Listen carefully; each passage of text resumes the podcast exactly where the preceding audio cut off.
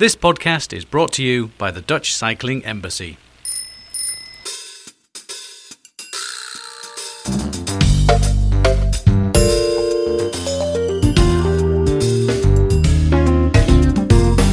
Sehr geehrte Damen und Herren, willkommen zu dieser neuen Folge des Metropolitan Mobility Podcast aus Berlin für die zweite Mal. Mein Name ist Gerd Kloppenburg. Heute ist die zweite Podcast über Berlin und in der Folge haben wir über Pop-up-Radwegen gesprochen. Wenn Sie es noch nicht gehört haben, tun Sie es bitte.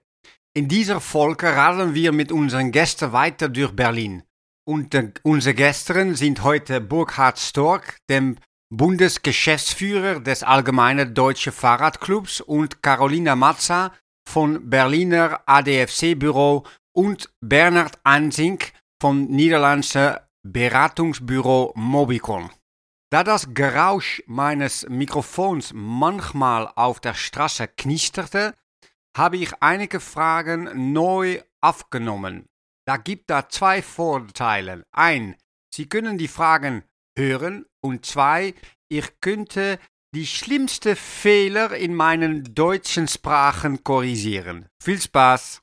Ja, gehen wir wieder. In Amsterdam hatten wir an der Rückseite des Bahnhofs zwischen dem Bahnhof und dem Flussufer einen Platz, äh, einen Platz, wo der Verkehr sich irgendwie von selbst regelte und die Leute selbst darüber nachdenken mussten, wie sie sich verhalten sollen. Das klappte eigentlich ganz gut. Habt ihr das in Berlin auch? Wir sagen in Deutschland entweder Shared Space oder Begegnungszonen.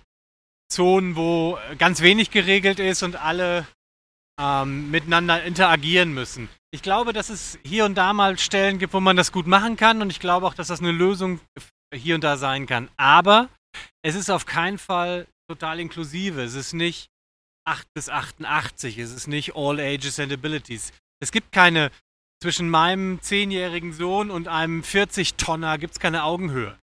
Ähm, deswegen muss man, glaube ich, sehr genau gucken, wo man das macht. Aber natürlich gerade, wenn, wenn es wie... Ja, das ist nicht für überall und auch nicht für die Kreuzungen genau. äh, wäre es... Nein, nein, das ganz das verstehe ich, das ist nicht möglich, auch nicht in Amsterdam. Aber wie wollten Sie die erklären, die Fahrradstraße?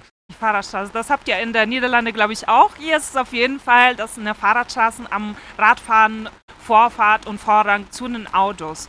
Die Fahrradstraße, wo ihr wahrscheinlich später äh, fahrt, ist auch eine Fahrradstraße, die anliegerfrei ist. Das bedeutet nur Menschen mit einem Anliegen, also die vielleicht da wohnen oder keine Ahnung, irgendwas bei der Oma abholen mussten, ja dürfen da lang, eigentlich wenn man nur durchfahren möchte, weil die Straße eben so frei von anderen Autos ist und ohne Schau, das ist eigentlich nicht erlaubt. Und wie viele davon sind hier in Berlin jetzt? Ich glaube, wir haben ungefähr 20. Es werden auf jeden Fall mehr. Wir haben 20. So ist das 20 Kilometer? Oder wie, wie? Nee, ich meine 20 äh, Straßen. 20 Straßen. Ihr habt hier einen ganz schönen Pop-up-Radwege gemacht und es gibt nur einen Autospur. Aber, aber dann kommt die Brücke. Und die Brücke, die gibt zwei Autospuren. Da ist, da ist es dann sehr, sehr eng. Und es gibt dann dort auf der Brücke kaum Platz für Radfahrer. Das verstehe ich ganz nicht. Ich habe hier zwei Stunden gesessen und fünf Unfälle gesehen. Warum ist es so schwierig, es auch auf der Brücke gut zu machen, weil sie hier so einen schönen Pop-up-Radwege gemacht habe? Ähm, ist eigentlich nicht schwierig. Man muss sich einfach trauen, mehr Platz von den Autos zu nehmen, weil wenn wir ihnen mehr Platz geben, dann gibt es einfach immer mehr Autos, wie wir in Berlin sehen. Es gibt. Aber die Radfahrer werden sagen, wieder mehr Platz für Radverkehr. Aber, aber auf der Brücke gibt es ja überhaupt keinen Platz für Radfahrer. Ja, weil es noch einfach keinen gesamten Plan, kein Netz eben für die ganze Stadt. Es werden Planungen für bestimmten Straßen gemacht, aber wie du sagst, manchmal enden sie an der Kreuzung oder sogar vor dem Amt. Und jeden Fall wisst, dass die Kreuzungen, das ist das Schwierigste, um das zu tun. Ja, für dich bestimmt zu verstehen, warum es einfach... Hier, Sie sehen es, das, das ist, was ich meinte. Sagen Sie das? Ja, auf jeden Fall. Es werden Es wird ihnen Platz gegeben, so schnell zu fahren und dann machen sie das. Wir streiten in Deutschland gerade sehr darum, wie Kreuzungsdesign für Radfahrende auszusehen hat. Wir gucken natürlich sehr viel auf äh, holländisches und niederländisches Design. Was, was ist das Richtige dafür? Ähm, und man muss klar sagen, wir, wir haben noch keine gute Lösung. Überall in der Welt wird ja im Moment darum gerungen, in ganz vielen Städten. Ähm, und die Frage, wie sieht eine gute Kreuzung im deutschen Kontext aus, ist ungeklärt. Und ich hoffe sehr, dass da noch viele Was ich liebe, dass wir jetzt hier sind. Wir haben schon gesprochen auf einem ersten Podcast auf die Kreuzungen. So, wir sind jetzt hier. So, mein Gefühl ist, dass sie da ungefähr sind. Ja, aber dann muss man es auch glauben und muss von seinen, von seinen alten Ideen weg. Die, deutsche, die deutschen äh, Leitlinien, Design Standards sagen, nichts machen auf der Kreuzung. Deswegen hören hier auch diese, diese Poller äh, vor, der, vor der Kreuzung auf. Ne, deswegen ist sie auch nicht mehr geschützt, hier die Pop-Up-Bike-Lane, weil das einfach diese Idee ist, man darf auf der Kreuzung nichts machen. Und das, Aber das ist so unglaublich, dass ich das gemacht habe, was so gut ist. Und dann, wenn die Kreuzung kommt, dann sie sagen, oh, das ist ganz schwierig. Nein, es ist nicht schwierig, dies. nee, theoretisch ist es nicht schwierig, aber es klappt noch nicht. Nein, okay. Okay, nou, das ist ein ganz äh, ehrlichen äh, Antwort. Danke vielmals. So, wir haben die Kreuzungen gehabt, Leute. Okay, nächste Phase. Wo sind wir hier? Genau, das ist die Haseneide und es ist ein der ersten geschützte Radwegen, die es in Berlin gibt. Und wie lange äh, ist es schon hier? Sind anderthalb Jahren ungefähr. Genau, und das ist die ganze Strecke da von der Kirche bis zum Hermannplatz, wo es wir vorhin waren. Und wir haben Poller, die eben von dem geparkten Auto schützen, grüne Markierung für den Radweg und äh, ja, das ist ganz toll. Was ist das äh, Unterschied äh, äh, zu dem Pop-Up-Straße? Als es äh, der Verfahren von dem Pop-Up-Bike-Links noch nicht gab, es würde ganz lange geplant und es würde dann äh, umgesetzt äh, wie nach Mobilitätsgesetz. Und es hat natürlich ganz viel Zeit gebraucht.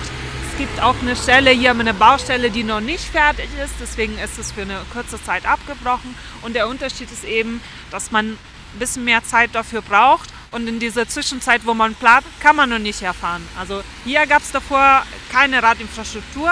Auf der anderen Seite haben wir diese altmodischen Radwege, die ganz eng sind. Aber das bedeutet, wenn man zur Kirche oder zum Beispiel zu meinem Büro gefahren ist und auch zurück nach Hause wollte, war das hier eine Strecke, die nicht äh, angenehm war. Das ist nicht Pop-up hier. Ähm, das ist permanent, es soll bleiben. Aber es ist natürlich viel, viel schneller zu bauen als jetzt irgendwie ein, ein, ein baulicher Radweg. Von daher, manchmal sagen wir jetzt Quick Build. Es ist so ein bisschen zwischen Pop-up und man kann es in zwei Monaten fertig machen. Ähm, es dauert nicht drei Jahre. Ich habe wieder das Fabel. Sie brauchen Liter und Liter und Liters Fabel. Ja, wir würden gerne roten Asphalt kaufen. Äh, in Holland, aber weil wir so wenig roten Asphalt kaufen, ist ja noch so teuer. Grün ist schöner, dann rot, was wir haben, das rot. Aber das ist, was sie brauchen. Ja, aber es, genau, gefärbter Asphalt. Aber es ist tatsächlich so, der ist so teuer, ähm, dass es sich noch nicht lohnt. Und ich versuche gerade ein paar Städte zusammenzubringen, dass sie zusammen ihren Asphalt kaufen, damit die Preise in Holland runtergehen. Haben Sie Data oder Interviews von, von Leuten, die es nutzen, äh, in anderthalb Jahren, dass Sie sagen könnten, das ist ein ganz großen Success oder nicht? Also es gibt hier leider keine Zählstelle, das heißt, wir haben jetzt nicht Nummer, aber das, also dieser Radweg ist auf meinem Rückweg von der Arbeit. Das heißt, ich fahre jeden Tag hier lang, zum Glück. Ich bin sehr glücklich, dass eben auf meinem Weg liegt und äh, vor allem eben bei Pendlerzeiten, dann sieht man einfach ganz, ganz viele Radfahrer. Es wird sehr benutzt. Hier ist ein Park, vor allem am Wochenende natürlich sehr voll, aber auch unter der Woche und es wird sehr viel benutzt, weil es auch eine Verbindungsstrecke zwischen Neukölln und Kreuzberg, Osten, Westen, es ist da, wo es früher nichts gab. Oh, rot. Das, das, ja, ja, ja. Die Ampel ist rot, wir sind Deutsche, wir bleiben stehen. Für mich, das ist unmöglich. Ja, jetzt, aber da gibt niemand hier, da gibt eine Straße von rechts. Als ich meinen Beruf angefangen habe, war ich beim Verkehrsminister zum Antrittsbesuch und der hat gesagt, warum fahren immer so viele Radfahrer bei Rot? Und seitdem gehe ich immer, wenn ich Fußgänger bin, über jede Ampel bei Rot, damit mein Nachfolger auch mal so einen Scheiß gefragt. Dies ist, was sie meinte. Dies, das, dies ist die Übergang, wie es war. Ja, was sehen wir hier, was es geändert hatte? Das ist die alte Situation und die neue. Genau, bis gerade eben hatten wir einen Radweg geschützt mit Poller. Hier kommen wir zurück zur Vergangenheit und zwar sehr schmal auf, den, ähm, auf dem Bürgersteig, das heißt auch sehr nah an Fußgänger mit Konfliktenpotenzial und mit dem Boden, der gar nicht eben ist, sondern sehr bumpy mit ganz viel Wurzel von, von Bäumen und vor allem aber sehr eng. Es gibt einfach wenig Platz für ein Rad und nicht mal für ein Lastenrad, der ein bisschen breiter ist. In, an, an der Kreuzung gibt es auch sehr wenig Platz, um zu warten. Das ist eine große Kreuzung, wo natürlich auch die Ampelphasen sehr lang sind und man bräuchte entsprechend Platz, damit es auch alle ihren Platz haben. Auch die Fußgänger, die rüber möchten, aber dann kommen die Radfahrer. Oh, für deine Arbeit, da ist noch zu viel zu tun auch. Sehr viel zu tun, aber ich freue mich auch, sehr viel zu tun zu haben und sehr viel über neue Radwegen und bessere Infrastruktur zu berichten. Das dann, ich bin hier in die Fahrradstraße und dann, was ist das anderes dann? Das ist nur ein Straße, denke ich dann. Und sie haben wieder ein Fabo gebraucht, um da darauf zu sagen, dass es ein Fahrradstraße ist. Ganz wenig ist anders. Also die, die rechtliche Situation ist anders. Autos müssen hier hinterm Fahrrad bleiben, Fahrräder dürfen nebeneinander fahren. Aber man merkt das ja nicht, man fühlt es ja nicht. Die Maximum Schnellheit ist 30. Okay, Leute, jetzt wir fahren zu, wo fahren wir hin, Burkhard? Also wir fahren offensichtlich jetzt zur Sonnenallee. Das ist äh, eine große vierspurige oder sechsspurige Straße, wo es überhaupt keine Infrastruktur gibt. Und ich habe ja im letzten Podcast erklärt, dass das in Deutschland lange so sein sollte, dass Radfahrer und Autos gemischt werden, auch auf großen Straßen. Muss ich jetzt noch meine Frau anrufen? Das ist das letzte Mal, dass das war. Ja? Schnell eine WhatsApp schicken. Und ja, ich liebe die. genau. Okay, wir sind hier auf dem Kreuzung. Das ist ein Nachmehr. Wir gehen hier links. Erklären Sie, wo wir fahren. Genau, wir fahren auf einer Straße, wo nichts ist. Nach deutschem Recht äh, dürfen wir das selbstverständlich. Es gibt hier keinen Radweg, kein gar nichts. Ähm, wir müssen natürlich anständig weit von den parkenden Autos weg. Und das heißt, ähm, die Idee ist, dass wir uns jetzt mutig in der Mitte der Fahrbahn den Platz selber nehmen. Und damit dafür sorgen, dass es einen Radweg gibt. Aber das ist so, wenn auch die, die Auto hier stoppen wollen oder einparkieren, ich weiß nicht, wie die das sagen, aber hier den Taxi jetzt geht, Ja, das ist, ja. Ich glaube, das ist eine Idee von äh, Männern, die sehr viel Fahrrad fahren und die haben für sich selber das überprüft und haben gesagt, ja, ich kann mir das hier gut vorstellen. Und deswegen haben sie lange Jahre, wie überall in der Welt, fast überall, Sachen gemacht für Männer, die viel Fahrrad fahren. Deswegen haben wir Fahrradwege, also eben nichts, Fahrradwege, die so aussehen wie, als wie keine Fahrradwege, die für mutige Männer sind. Hier können doch keine Kinder oder Ältere Rad fahren. Hier gibt es ja auch gar keinen Platz. Wo sollte man hier einen Radweg machen? Das kann, hier gibt es ja überhaupt keinen Platz. Hier parkt kein Auto, hier ist kein Meter. Aber, aber ich, da, na, ich, ich denke, dass die Lösung, sie, die haben schon die Lösung gemacht. Und die Lösung ist ganz einfach. Genau, das war natürlich ironisch, dass wir keinen Platz haben. Wir haben wahnsinnig viel Platz. Es gibt die parkenden Autos, es gibt zwei, äh, zwei komplette Fahrstreifen, die man hier wahrlich nicht braucht, mitten in der Stadt. Also, auf die, die parkenden Autos reinschieben und einen vernünftigen Radweg rechts von den parkenden Autos machen. Genau richtig, so wie wir es ja schon gefahren haben. Noch nicht eben Pop-up-Straße, aber das musste zu hier gehen. Dann, Burkhardt musste wir Fabel kaufen. Liters, grün, ja. Ich bin ganz sicher, wenn man den ganzen Tag hier eine Okay, Kamera danke. aufstellen würde und gucken, was ist, dann ist fast immer die zweite Spur ohnehin besetzt, weil da immer ein Auto, ein, ein Last, ein äh, Lieferwagen steht, der hält. Dann ist, dann bringen würden die steigen irgendwelche Leute ein und aus. Ein Taxi hält. Es ist, ich bin ganz sicher, dass es, man hier ohnehin mit einer Fahrspur fast immer auskommen muss und deswegen geht es auch. Wir sind hier auf der Straße in Berlin und Burkhardt, der kommt von den Norden nach Berlin, aber er, er kommt Freunden hier oder Ja, bekannt. er hat Bekannten überall. Okay, wir haben hier auch ein Fahrrad. Wo haben wir hier? Ja, Bernhard Ensing. Ich bin zurzeit Berater bei der Firma Mobicon in den Niederlanden und wir helfen auch, äh, soweit wir können, in Deutschland mit, um das Fahrradfahren voranzubringen. Wir haben zum Beispiel das äh, Handbuch äh, zu den Pop-Up-Bike Lanes zusammen mit dem äh, Bezirk Friedrichshain-Kreuzberg Sie haben das gemacht. Handbuch gemacht und was sehen Sie hier jetzt, weil Sie sagen, ah, das ist ein bisschen, was wir advisiert haben. Ja, an dieser Stelle am Hermannsplatz äh, sieht man davon gar nichts. Aber ich war gestern weiter in Kreuzberg unterwegs und da sieht man schon, dass man eine gute Pop-Up-Bike-Line gemacht hat, wo man praktisch eine, äh, eine Autospur äh, jetzt reserviert hat fürs Radfahren. Der Knackpunkt ist dann schon die Kreuzung, das habe ich mir auch angeschaut. Das sind natürlich jetzt äh, Kompromisse, äh, wo wir auch schon beraten haben, in welche Richtung das gehen müsste. Und ich hoffe, dass dann auch diese äh, Pop-Up-Bike Lanes irgendwann in wirklich gute, permanente ganz Infrastruktur umgesetzt Und ganz werden. kurz, Ja, ich glaube, das Gute dieses Handbuchs ist auch, dass man jetzt den deutschen Städten zeigen kann, wenn man Mut hat, wenn man mutige Beamte und mutige Politikerinnen hat, dass man wirklich schnell was umsetzen kann. Äh, also die haben ja die Ambition gehabt, um innerhalb von zehn Tagen von Plan bis, bis Implementierung das auszurollen. Und so haben wir das auch wir in dem Handbuch haben geschrieben. jetzt an Und den Sonneallee und die haben das Handbuch geschrieben. Was denken Sie, wenn Sie auf diesen Straße äh, sind?